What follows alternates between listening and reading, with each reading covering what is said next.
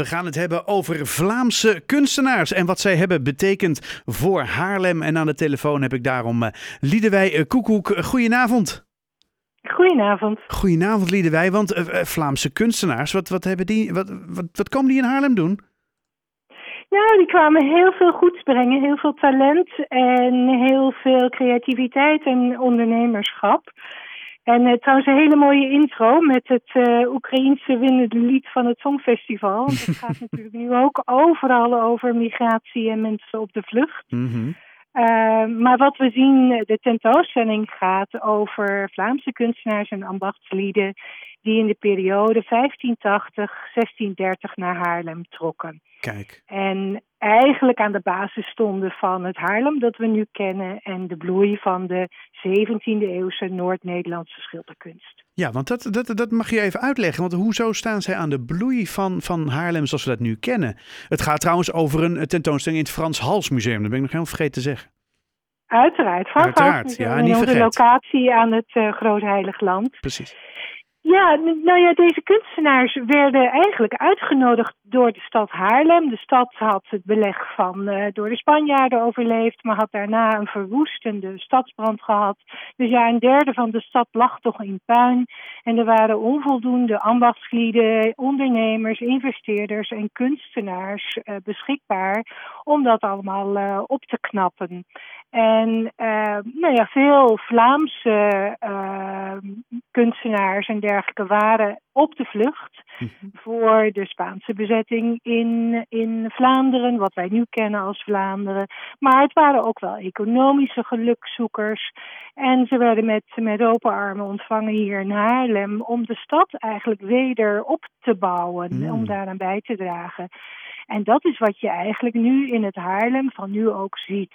Uh, als je in de binnenstad loopt, op de grote markt, je ziet de vleeshal, het stadhuis, de waag enzovoorts. Dat zijn bijvoorbeeld gebouwen die uh, ontworpen zijn door een Gentse bouwmeester, Lieven de Kei. Mm. Die later ook Van de stadsbouwmeester Penning natuurlijk, ja. werd.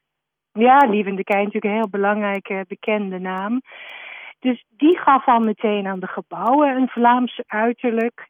Maar er kwamen ook veel, veel kunstenaars en ambachtslieden deze kant op. En die brachten eigenlijk ontwikkelingen uh, uit Vlaanderen mee en transformeerden die, die zich hier in Haarlem. En dan moet je denken aan nieuwe uh, type schilderijen, zoals stilleven, zoals landschappen, zoals wat wij noemen genrestukken. Ja. Het zijn bijvoorbeeld boerentaferelen of vrolijke gezelschappen buiten. Dat werd allemaal meegenomen uit de zuidelijke Nederlanden, hier geïntroduceerd.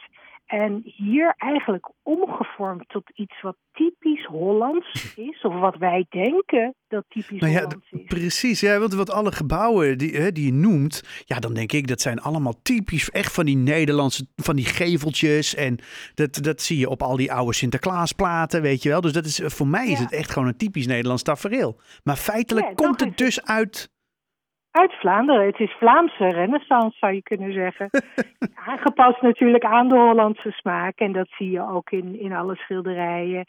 Het leuke is, er kwamen ook uh, ambachtslieden mee. Bijvoorbeeld linnenfabrikanten uit Kortrijk, uh, Paschier Lammertijn en Quirijn Damast. Die zich ook Damast noemde, omdat dat is, was, uh, is waar hij in gespecialiseerd was. de tafelkleedjes. Teelbakkers, de tafelkleden inderdaad. En dus het waren niet alleen schilders, het waren ook uh, bouwmeesters, kateelbakkers, linnenfabrikanten en dergelijke. Wauw, en, en nu gaan jullie in het Frans Hals Museum daar uh, hen in het zonnetje zetten. Wat gaan we zoal zien uh, in de, in de, de, de nieuwkomerscollectie, zeg maar? Nou, we zien zo'n zo'n 45 schilderij, schilderijen, excuus. Waaronder een deel uit onze eigen collectie, maar ook heel veel hele bijzondere bruiklenen. Hmm. We krijgen zeven Frans Halsen in bruikleen. Met de 15 die we al hebben zijn dat er 22. Zo. Het, het mooie van de Frans Hals schilderij is dat twee ervan sinds eigenlijk 1937 niet in Nederland zijn geweest. En één ervan nog nooit aan het publiek is getoond. Oh, wow. Dus dat is echt bijzonder. Werken die uit uh, ja, heinde en ver weer hier naartoe komen.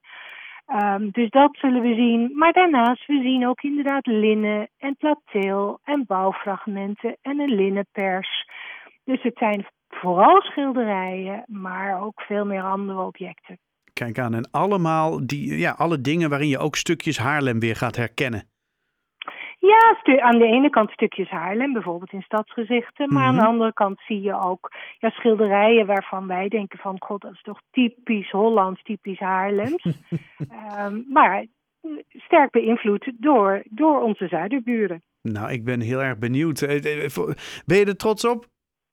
Ontzettend trots. Ja, het is een hele mooie tentoonstelling in deze keihard gewerkt door het museumteam. Nou, geweldig. bij de Koekoek, directeur van het Frans Hals Museum over de, ja, de nieuwkomers, eh, hoe zegt het, de collectie die opeens binnen is gekomen. Ga dat bekijken. Van komende vrijdag 30 september is het te zien in ons uh, Frans Hals Museum.